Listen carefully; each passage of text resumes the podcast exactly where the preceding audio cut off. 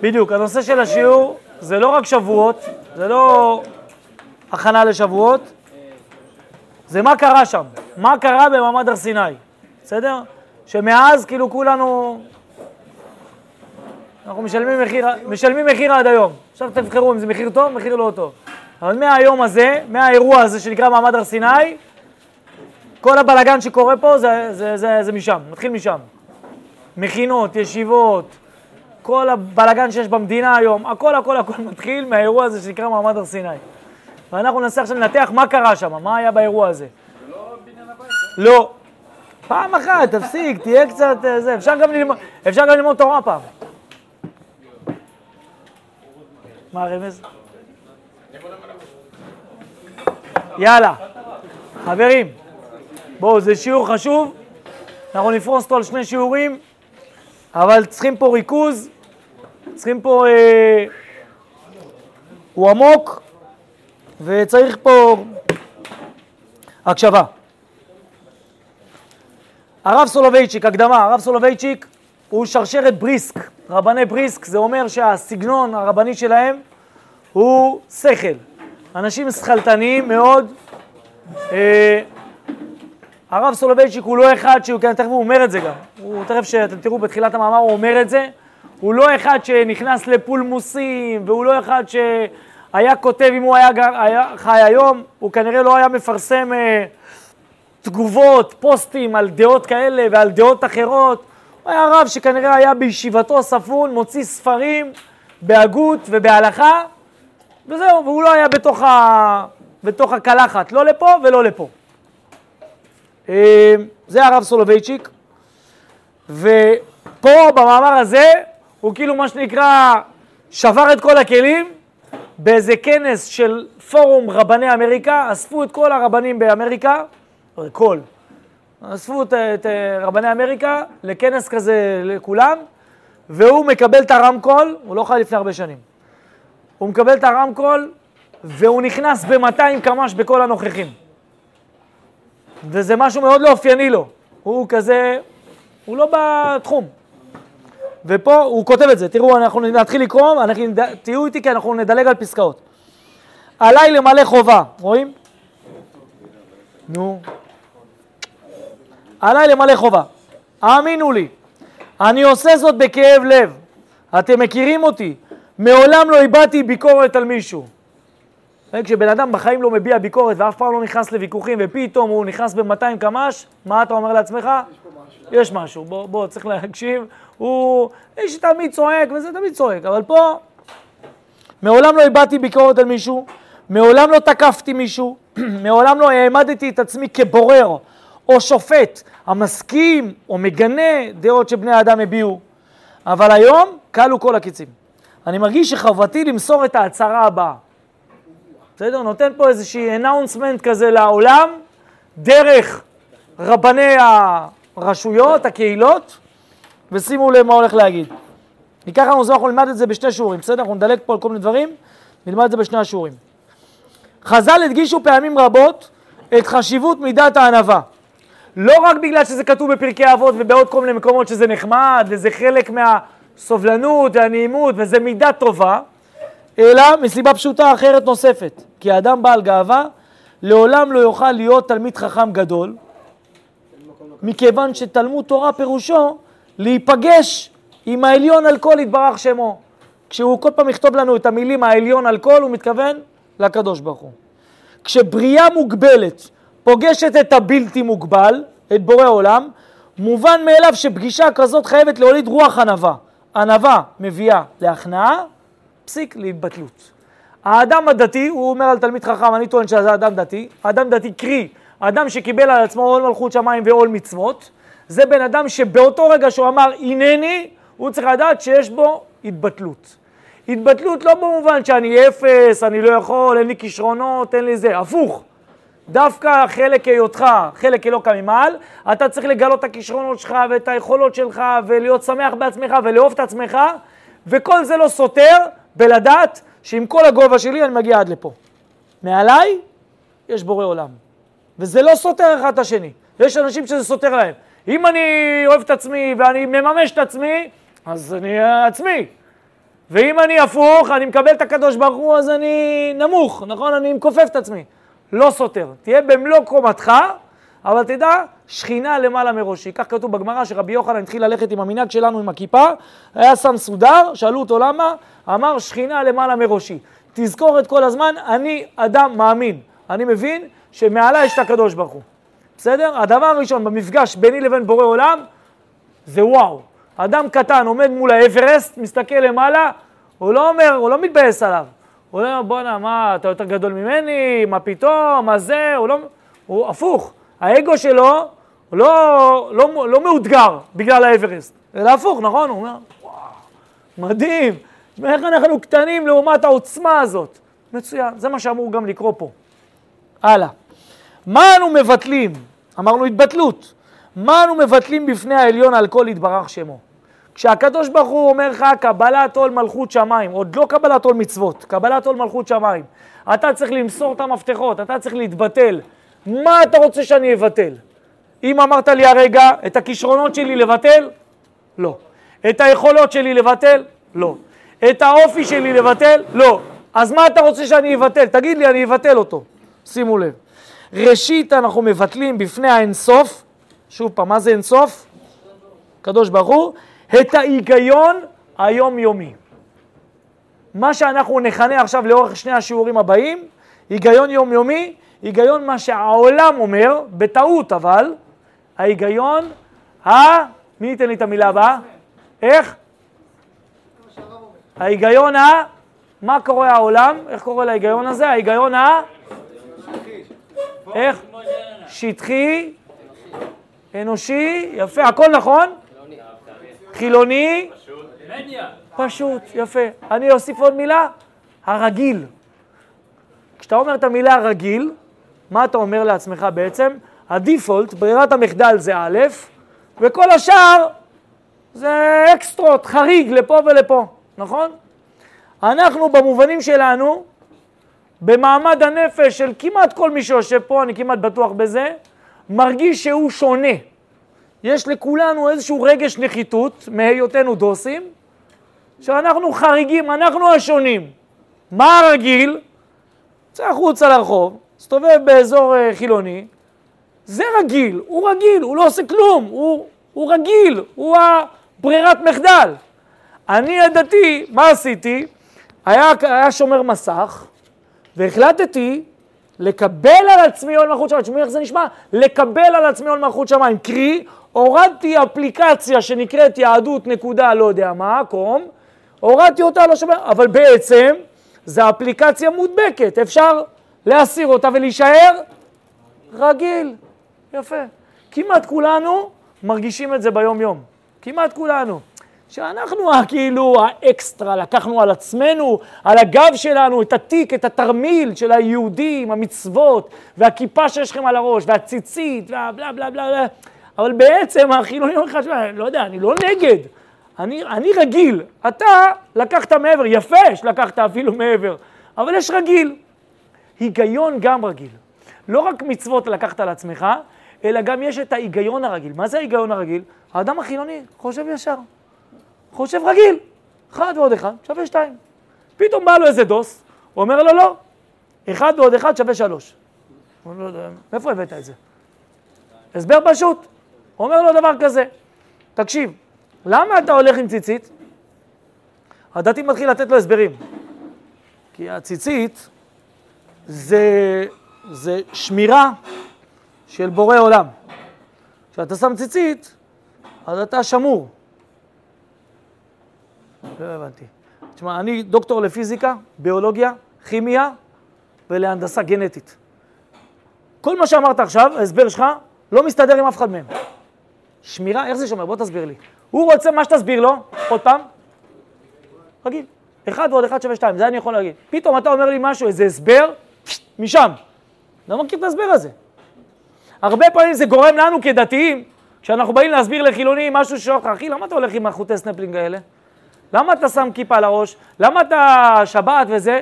הרבה פעמים לנו, בגלל שאנחנו נמצאים באיזשהו מקום, תחושת נחיתות לא מוצדקת, מה אנחנו עושים? אנחנו ישר בורחים להסברים, תמשיכו, רגילים הגיוניים, יפה מאוד. איזה היגיון? היגיון הרגיל. מה אני אומר לעצמי?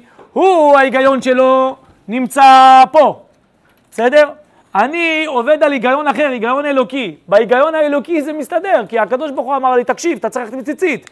הקדוש ברוך הוא אמר לי, אתה צריך ללכת לשים ארבע, ארבעת המינים. בסוף, ממש בסוף. ארבעת המינים, אתה צריך, לס... אתה צריך ליטול ארבעת המינים. למה? לא בגלל שזה איזה משהו אה, חוכמולוגי. ככה זה עובד, ככה הוראות הפעלה. למה אתה צריך ללחוץ על מכונת כביסה על און? מה זה למה? ככה זה עובד, אין אופציה אחרת. אתה חייב בשבעת הימים של אה, סוכות, אתה צריך ליטול לולב, זה ההיגיון הרגיל, זה הרגיל, לא רגיל, רגיל זה זה. ההיגיון האלוקי הוא הרגיל. ואז בא חילוני, רואה אותי עם הדבר הזה, זה נראה הזיה. אומר לי, אחי, מה אתה עושה? כי הוא רגיל להיגיון אחר, שהוא חושב שהוא הרגיל. הוא אומר לך, למה אתה עושה את זה? ואנחנו, שאנחנו מלאי רגשי נחיתות, וגם קצת גדלנו, גם אפילו בתור דתיים, גדלנו 18 שנה עם היגיון רגיל, נכון? כי בואו, כמה מאיתנו גדלו מבית שאמרו לנו, תקשיבו, זה האמת, זה הרגיל. האדם החילוני שלך ציצית, הוא... איך הוא הולך בציצית? איך אפשר בלי ציצית? אני לא מצליח להבין את זה. איך אפשר? בוא תלך בלי יד. ככה אני אומר לבן שלי. הבן שלי שקם בבוקר ואין לו ציצית מכובסת בכביסה, הוא אומר לי, אבא, אבל אין לי ציצית. אני אומר לו, אה, בסדר, אה, בוא, בוא נחפש, בוא, בוא, בוא, בוא, בוא, בוא, נגדל, בוא נגדל ציצית, אין מה לעשות. מה, מה, מה האלטרנטיבה? מה אתה אומר?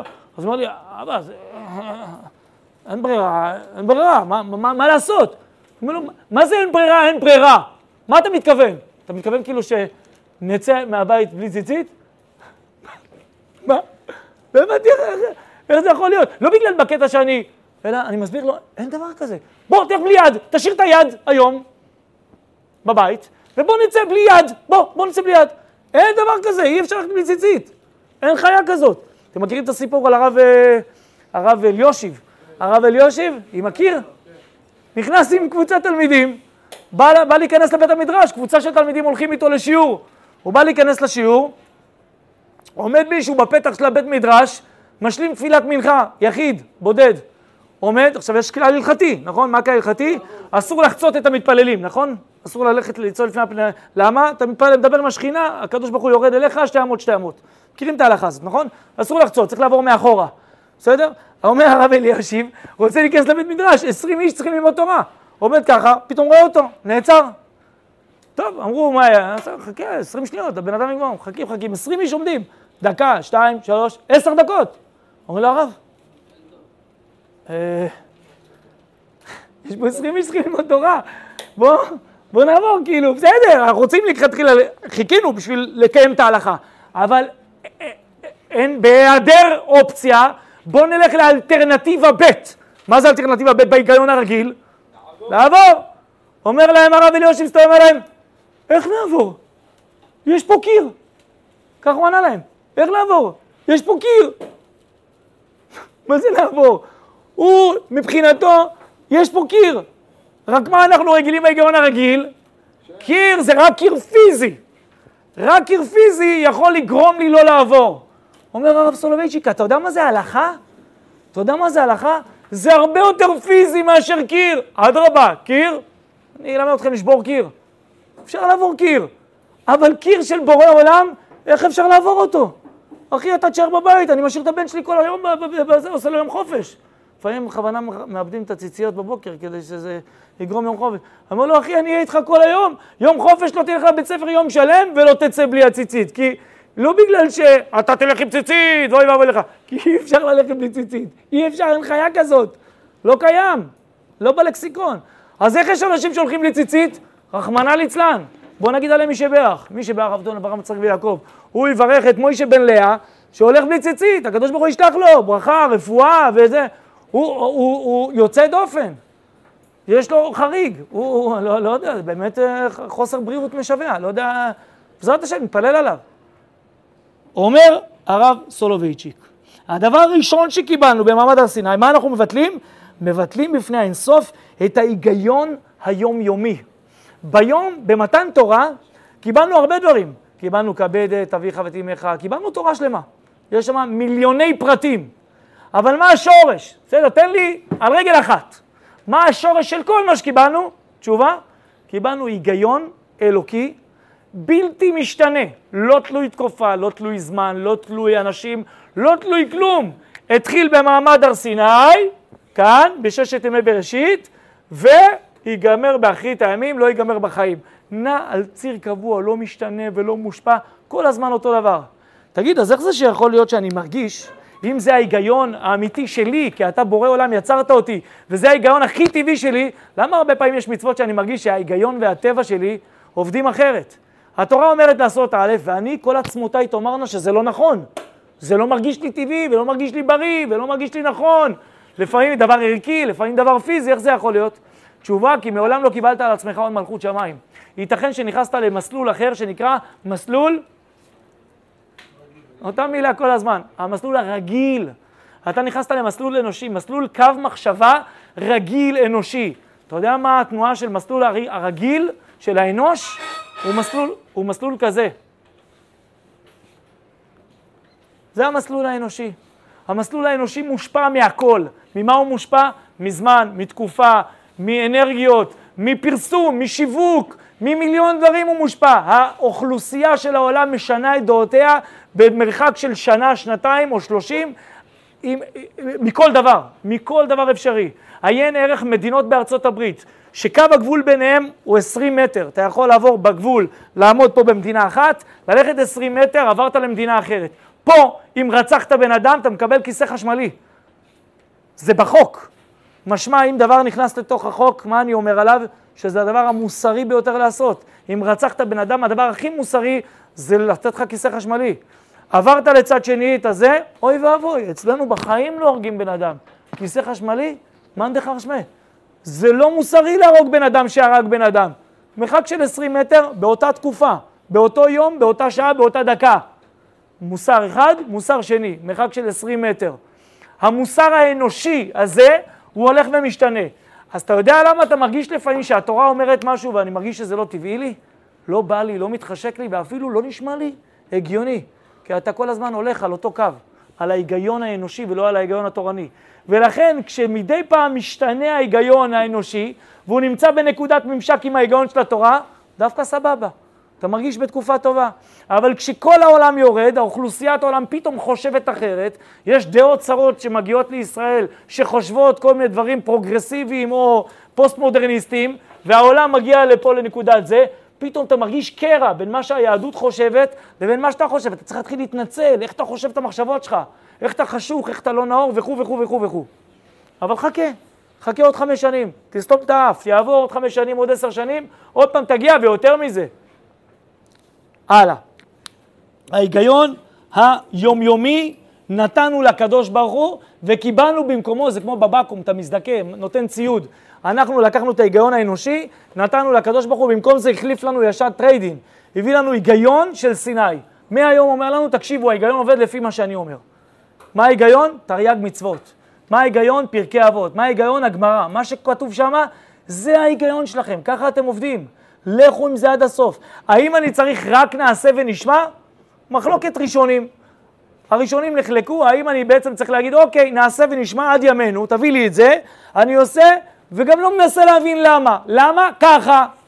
נחלקו בזה הראשונים, רוב השיטות באות ואומרות, לא נכון. כאילו, לקבל עול מלכות שמיים, ככה. אבל במהלך השנים, במהלך החיים שלך, תנסה, תתאמץ, להבין, לנסות לחבר, לנסות להתקרב, אבל בלתי מותנה, בלתי מותנה. לברר מבפנים, לקבל על עצמי על מלכות שמיים, ואדם שקיבל על עצמו מלכות שמיים, זה לא אומר באותו רגע, הוא מבין הכל, את כל המצוות, הוא מתחבר לכולם, הנפש שלו משתוקקת לעשות הכל. לא, זה לא אומר את זה. רק זה אומר שהוא מקבל את עצמו עול מלכות שמיים בלתי מותנה על כל המצוות, וברבות הזמן, אני בתהליך, כל הזמן אני אבין עוד דבר ועוד דבר, ויקבל על עצמי עוד משהו, ויבין עוד משהו, ויתחבר יותר, בסדר, תהליך חיבור קורה כל הזמן. האם ביום שבו אני מתחתנת עם אשתי, זה היום שאני אכיר אותה הכי טוב בעולם? תמיד אני אומר, יש לי משפט כזה, היום שבו הכי פחות אהבתי את אשתי זה יום החופה. יפה, כשחושבים על זה רגע, זה נכון, למה? כי זה היום הראשון שבו הכרנו, זאת אומרת, הכרנו קצת לפני כן, בסדר. תמיד אני שומע חופה זה השיא, זה לא השיא, זה התחלה. ואז ככל שאתה עולה, אז אתה אוהב יותר ומכיר יותר ומחובר יותר. אותו סיפור. עכשיו, זה בלתי מותנה. אני, אז מה עשיתי במעמד החופה, במעמד הר סיני, מה עשיתי שמה? אמרתי, הרי את מקודשת לי בטבעת זו, כדת משה וישראל, וחתמתי על כתובה. חתימת הכתובה זה כמו להגיד, קבלת עול מלכות שמיים. רגע, ואם היא תהיה כך, לא אכפת לי מה היא תהיה. עכשיו, במהלך הזמן אני אצטרך באמת גם לחבר את זה, לא רק אה, אה, נעשה ונשמע. אני אצטרך ל- לעשות סדנאות זוגיות, אני אצטרך לפרגן, אני אצטרך להחמיא, אני צריך לעבוד על זה מלמטה כל הזמן כדי ליצור את החיבור חזק. אבל מה שקרה במעמד החופה זה כמו נעשה ונשמע. הרי את מקודשת לי בלי כלום, אין בכתובה, אין בכתובה בסוף, אחרי כל מה שחתמת, אפלח ועוזרון ואפרנס ואוקיר ואכבד, אין בסוף, ובלבד שהיא תכבס, תנקה, תבשל, תעשה לי, תיקח, תפרגן לי, ת... לא, אין שם שום תנאי. הרי אני מקבל עליי את כל הדברים האלה בלי תנאי. אבל אחרי זה, במהלך השנים, צריך לתת לזה, לתת לזה, לבנות את זה מבפנים. הלאה. אה, ואנו מקבלים ללא סייג, רואים אחרי ה... אחרי ה... איך קוראים לזה? אה, סוגריים. ואנו מקבלים ללא סייג את ההיגיון של סיני. עכשיו טבענו מושג אחר. עד עכשיו היה לנו היגיון רגיל, מה שהעולם בחוץ חושב שזה ההיגיון הרגיל, בסדר? וגם אנחנו הרבה פעמים חושבים שההיגיון החילוני הוא הרגיל, ואנחנו החריגים המוזרים, אבל פה אומר לנו, ואנחנו מקבלים ללא סייג את ההיגיון של סיני. מי שהיה פה במעמד הר סיני, וזה כנראה כולם, הוא קיבל, קיבל היגיון חדש. הוציאו לו את ההיגיון הרגיל ודחפו לו היגיון שנקרא היגיון של סיני. שנית, אנו מבטלים את הרצון היומיומי המאוד אוטיליטרי, המאוד שטחי, ואנחנו מקבלים ללא סייג את הרצון של סיני. כאשר הרמב"ם מבאר מהי קבלת עול מלכות שמיים, הוא מסביר את המשנה, אני מדלג.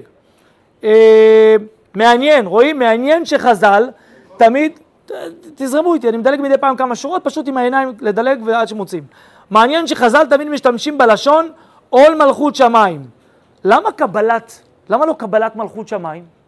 אם זה כל כך טבעי, ואתה רוצה להגיד לי שכך נבראנו, וזה הפשוט, למה זה עול? זה הפוך, זה, זה אתה. זה כמו שאני אגיד לך, שמע, אתה מוכן לקבל על עצמך עול נשימה? אתה מוכן לקבל על עצמך עול נשימה? זה יהיה קשה, ואתה תצטרך לנשום כל החיים שלך, אבל קח על עצמך את הדבר הזה. אני אומר לך, זה דבר טוב. מסתלבט? איך אפשר להביא את המילה עול ואת המילה נשימה ביחד? זה, זה הטבעיות שלי, הפוך, אם אני לא נושם, אני לא חי. זה הכי הכי הכי בסיסי וטבעי שלי.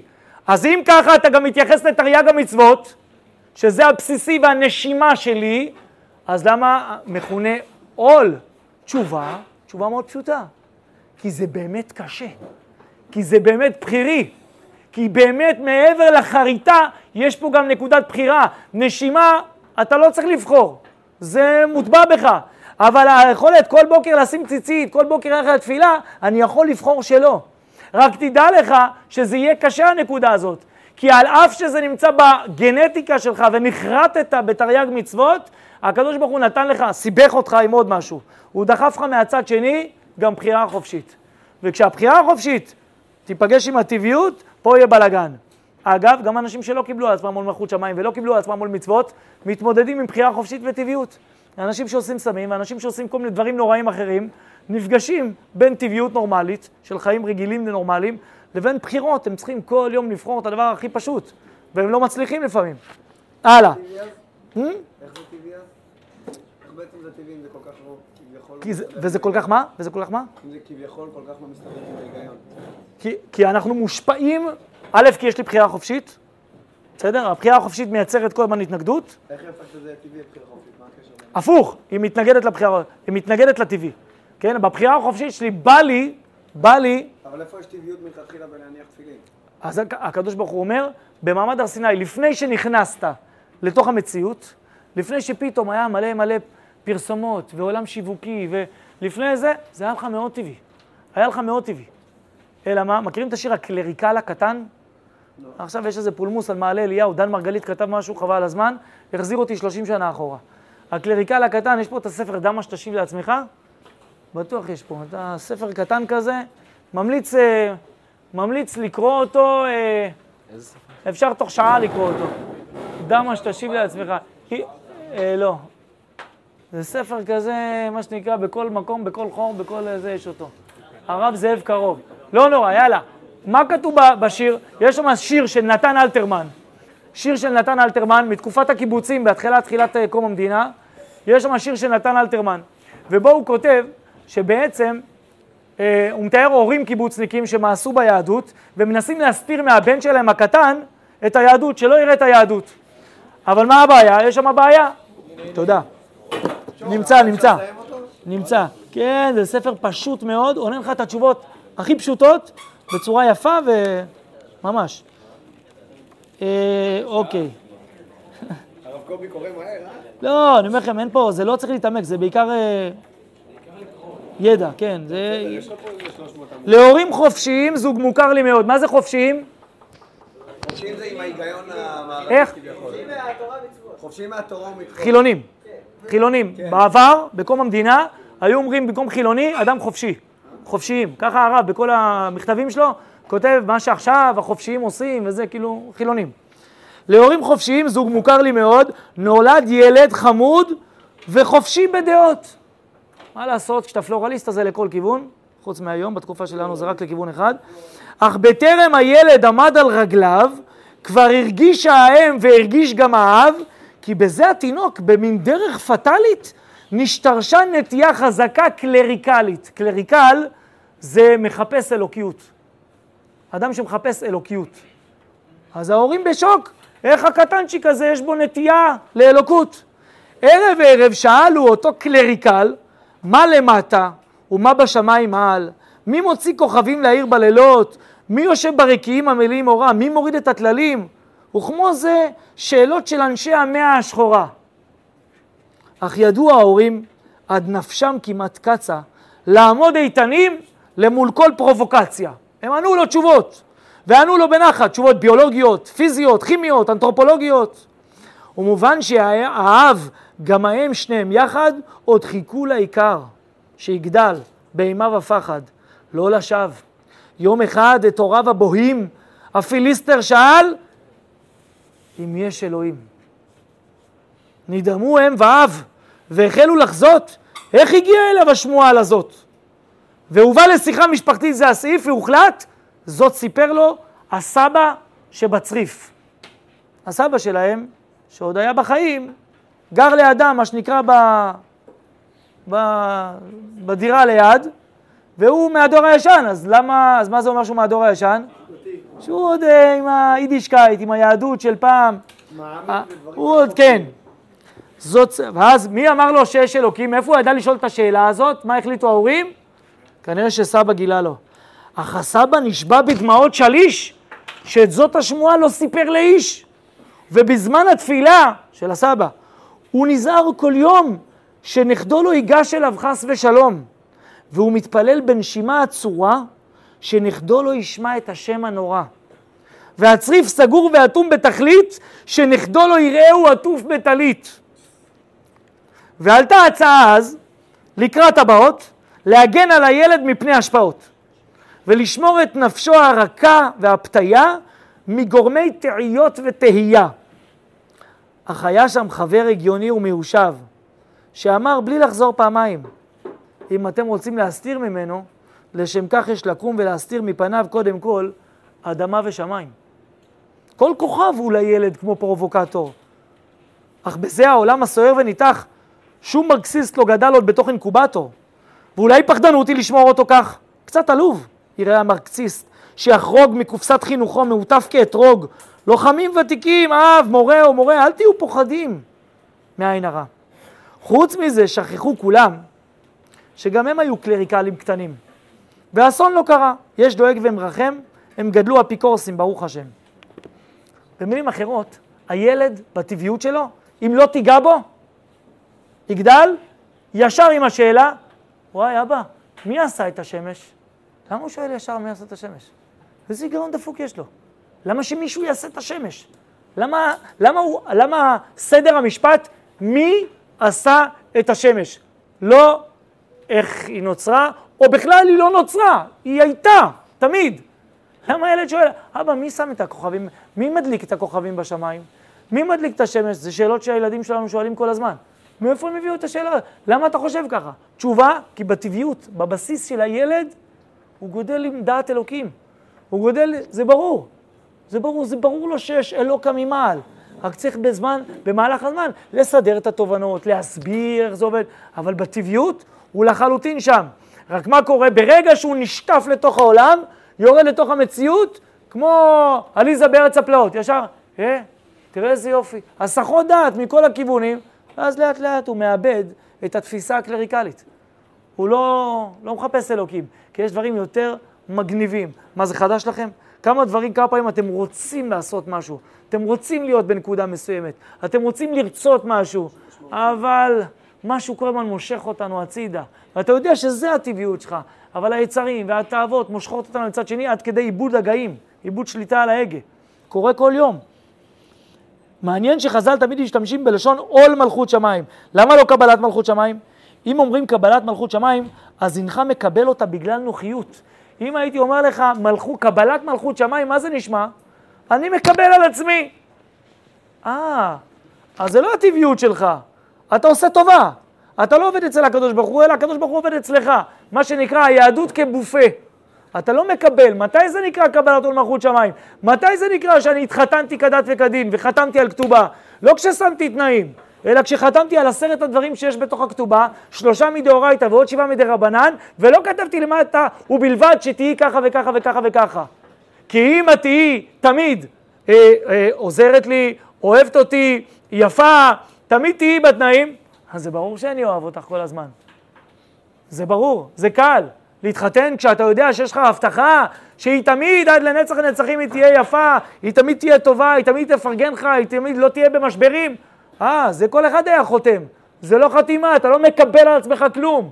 זה פשוט. איפה זה קשה? איפה שלא ברור לי מה צופן העתיד, איפה שלא הכל ברור לי, איפה שקשה, שם זה נקרא לקבל על עצמי עול מלכות שמיים. זה הדבר המסובך, בואו נראה אותך עכשיו חותם על הדבר הזה. זה נקרא קבלת עול מלכות שמיים. אם אומרים קבלת אינך מקבל בגלל נוחיות, בגלל שזה מתאים לרצונותיך, מה שקורה היום, שהרבה אנשים אולי מכנים את עצמם דתיים, אבל באמת, הם אולי דתיים, אבל יש מושג הרבה יותר עמוק. האם האדם הדתי הזה קיבל על עצמו מלכות שמיים? איפה הוא נמצא? הוא נמצא פה, על הקו הזה, או הוא נמצא על הקו הזה. מדי פעם כשזה מתאים אז זה מתאים, מדי פעם כשזה לא מתאים הוא לא מתאים, הוא שומר על איזשהו איזון. היהדות כבופה. הוא ניגש לשולחן הפרוס שעליו מונחת היהדות, והוא ככה הולך לידו. בואו נראה מה אני רוצה לקחת מפה. יפה, היהדות יש לה כל מיני דברים מקסימים שהיא יכולה להציע. בואו נראה מה יש פה. כיפה. מה הרעיון של זה? סליחה, הוא שואל את המוכר. אה, כיפה זה כאילו בקטע של, אה, אתה יודע, הקדוש ברוך הוא. אה, אפשר, אפשר, אני אקח, אבל אפשר חצי? אפשר חצי, כאילו, כזה, כי... לא, אני בעד, הרעיון מאוד מקסים שעומד מאחורי הכיפה. אה, לא צריך באקסטרים, לא צריך להתלהב, בוא, משהו קטן, נחמד. תן לי אחד מזה, תודה רבה. מה עוד יש לכם בדוכן? יש פה תפילין. אה, תפילין, מה זה, מה זה אומר? הכל מותנה. ת, ת, ת, תסביר, רגע, שנייה, כן, לא... מה זה אומר? תראה, תפילין זה, זה לכוון את הלב ואת הראש. אתה רוצה הרי שהמוח והלב שלך יהיו כל הזמן מכוונים, נכון? לעבודת השם, לזה. אה, זה נחמד. ומה התדירות של זה? כמה פעמים לוקחים את התרופה הזאת? אחי, זה, זה, כל, זה כל החיים, זה כל יום, וזה חוץ משבתות וחגים. אבל זה כל יום. כל יום? חכה שנייה, אני צריך להתייעץ עם אשתי, בסדר? מה את אומרת? מה את אומרת? לא יודע, לקחת תפילין? לא יודע, זה נשמע לי כזה מסובר. בדרך כלל מה אישה אומרת לך? אישה בדרך כלל הפוך, מאוד אמונית. תיקח, תיקח, תראה, תראה. תתגייס, תהיה קצין. מכיני, כל אחד חושב בראש שלו, זה צבא. טוב, קח, קח. טוב, אתה יודע מה, תביא לי את זה, אבל אני לא... אני לא מתחייב, אני... תביא, תביא, אני אקח. אני או, בוא נעשה הסכם. או שאני אניח אותם בארון, או שאני אניח אותם. בסדר, תביא. קיצור, לוקח, משלם 80 שקל, לוקח. תודה רבה. מה עוד יש לכם פה? תראי, יש לנו פה, יש לנו שבת, יאללה, בוא נזרום על שבת. יש לנו שבת. מה זה שבת? שבת זה כאילו, אתה רוצה לעבוד כמו חמור? בוא, הסברים אוניברסליים, כן? הסברים אוניברסליים. קצת, קצת, קצת עצירה, לנשום. אז למה לא הולכת לים? אני אנשום בים. כן, אתה צודק, אבל אני אגיד לך, יש פה איזה אלמנט שממש, זה מביא שלוות נפש אחרת, זה לא כמו ללכת לים. אוקיי, אוקיי, אוקיי. מה יש שם, מה, מה הפרטים, מה זה, איך שומרים שבת? יש פה כמה דברים. יש, יש למשל, יש, אה, יש הלכות בורר בשבת. זה, זה בורר, מה זה אומר? בורר זה אומר שאם אתה, נגיד סתם, אה, הגישו לך צלחת עם פיצוחים ואתה אוהב רק את הקשיו, אז אסור לך כאילו להפריד את מה שאתה לא אוהב, אתה צריך לקחת רק את מה שאתה... מה, מה, מה, עוד פעם, פעם, מה? לא, יש כזה אוכל ביד ומיד, יש לך שלוש תנאים, איך אתה יכול לעשות בורר? אוכל, מה, מה, אחי, מה אתה רוצה ממני? הרגת את החיים. תשמע, בוא נעשה עסק, תקשיב. תביא לי את שבת, בסדר? לוקח? אבל אני, כן, אני לוקח את זה סלקטיבית. תביא את שבת, באופן כללי אני בעד, אני לוקח, אני, שומר שבת. צריך להביא כללי הפורמט. תביא, אני, אל תדאג, אני אסתדר את זה. תביא לי, אני אסתדר, תודה רבה, אני אסתדר. הלאה, מה עוד? תקשיב, יש פה, אסור לגעת בבנות. מה? אתם הזיה אתם, אתם הזיה. מה ההיגיון שלכם? מה? נותן לך הסבר, משמיע לך פליי את כל שיעורי הבית היהודי. בהיגיון שלי זה לא עובד, אני לא מצליח להבין. אני והחברה שלי כבר המון המון זמן ביחד, ולא נוגעים אחד בשני, ולא קרה כלום, ולא זה, ולא פה, ולא שם. או נוגעים, וזה לא מוביל לשום דבר. שום היגיון יש בתורה, ב... לא בתורה, בתורה אני מסכים, אבל במצווה הזאת ספציפית, אני לא רואה בזה שום היגיון. בקיצור, היהדות כבופה, הבנתם את הקונספט. הרעיון הוא שאתה פה, נכנסת למסלול היגיון חילוני, ולא נכנסת לפה. ואז, כשזה מתאים ומסתנכרן עם הבטן שלי, זה סבבה, וכשזה לא מסתנכרן עם הבטן שלי והתפיסה שלי, אז זה לא סבבה. וכל הנושא הוא תורת האיזונים. אני שומר על יהדות כזאת אה, מאוזנת. דברים שאסור להגיד, אני לא אומר דברים שזה, אבל אני, אני מדי פעם נוגס מפה ונוגס משם. הלאה. ראשית, עלינו לחתור לאמת ורק לאמת. לא. כדי להצטרף, רואים? תדלגו. כדי להצטרף לשורות חכמי המסורה, מה זה חכמי המסורה? חכמי המסורה זה אותם הרבנים שהעבירו לנו את התורה שבעל פה מדור לדור. תורה שבכתב זה... תורה, תנ"ך. תנ"ך, לדייק יותר? יפה. זה תורה שבכתב. תורה שבעל פה זה אותם הסברים שהקדוש ברוך הוא אומר למשה רבנו בסיני 40 יום ו-40 לילה, יושב איתו עם הטקסט שנקרא תורה שבכתב ומתמלל, מסביר לו מה כתוב במקום שהוא בו הוא לא מבין. התורה שבעל פה הזאת, ההסברים למה שכתוב, עברו מדור לדור, שנאמר, משה קיבל תורה מסיני, הוא מסרה, חכמי המסורה, הוא מסרה ליהושע, ויהושע הסכין סכין ואין שרו מסר שתי סעודה, גול. בסדר? הגיע עד לימינו. עד לימינו. זאת אומרת, כל גדולי ישראל הם בעצם חכמי המסורה. מקבלים מהרבנים, הוא קיבל מהם, נכון? פרקי אבות. כן? הוא היה אומר, מקבל ממנו ומעביר הלאה. זו התורה שבעל פה. עד שנכתבה, בתקופתו של רבי, המשניות נכתבו, ואז הגמרות וכולי, מאז הכל כתוב וברור. בסדר? אמנם נוצרו מהדבר הזה כל מיני מחלוקות ודיונים, אבל, אבל כללי המסגרת הם חלוטים וברורים. כדי להצטרף לחכמי המסורה, שימו לב, עליך להימנע מלעשות להסביר את חוקי התורה על ידי הסברים שעולים מבחוץ. אתה לא יכול לבוא מההיגיון הזה, להצטרף למעבדה שנקראת חכמי המסורה, ולהגיד, חבר'ה, ההיגיון שלכם לא מסתדר לי, יש פה נקודת uh, פיצוץ. כן? למה? כי אתה מדבר בשפה אחרת. ההיגיון שלך הוא היגיון, מה שאתה מכנה רגיל. אנחנו טוענים שאנחנו ההיגיון הרגיל. זה ההיגיון הרגיל, חבר, חברים. רואים? זה ההיגיון הרגיל. זה היגיון אנושי. אנושי, כל דבר ש... איך אמר רנה דקארט, אחד מהפילוסופים הנודעים, אמר כל דבר שהוא אנושי, הוא אנושי מדי. מדי. ברגע שזה מתחיל מלמטה, שהאדם ממציא את זה, גם אם הוא יהיה גאון עולמי, בסוף, בסוף, בסוף, בקצה, הוא אנושי. זה התחיל מלמטה, זה ישתנה, זה ישתנה אצלו, זה ישתנה בחברה, זה ישתנה מחר, זה ישתנה מדברים מסוימים. הוא עצמו קבע את החוק הזה, כי זה נבע אצלו מכל מיני תפיסות עולם ודברים שהשפיעו עליו בילדות, בתקופה, במדיה, באלף עולמות. הוא אנושי, וזה בסדר, ככה זה צריך להיות. התורה שלנו, היהדות שלנו, ההיגיון שלנו, הוא לא אנושי, זה לא מתחיל ממני, זה לא מתחיל אפילו מגאון עולם, גם לא ממשה רבנו עליו השלום. זה לא. זה מתחיל מלמעלה, מבורא העולם, ממי שיצר את חוקי הפורמט, ממי שקבע את הכללים. הוא זה שנתן את ספר ההסבר ואני עובד על פי הדבר הזה. וזה שאני מרגיש לחץ מאיזושהי תפיסה מערבית שעכשיו נכנסת לעולם, זה סתם. סתם אתם מזזים בכיסא, אל תיבהלו משום דבר. ההיגיון שלכם הוא הצודק, הוא הנכון. הוא האמת המוחלטת. וגם אם מישהו מרגיש אחרת או נותן לכם תחושה שאתם הולכים נגד הזרם, תגיד לו, יש גם מיליון של טועים. מיליונים יכולים גם לטעות, הכל בסדר. אתם טועים ואני הצודק. גם אם אתה לבד הולך מול הזרם, ברגע שהתחברת לאלוקי, וזה לא התחיל ממך, אתה הצודק.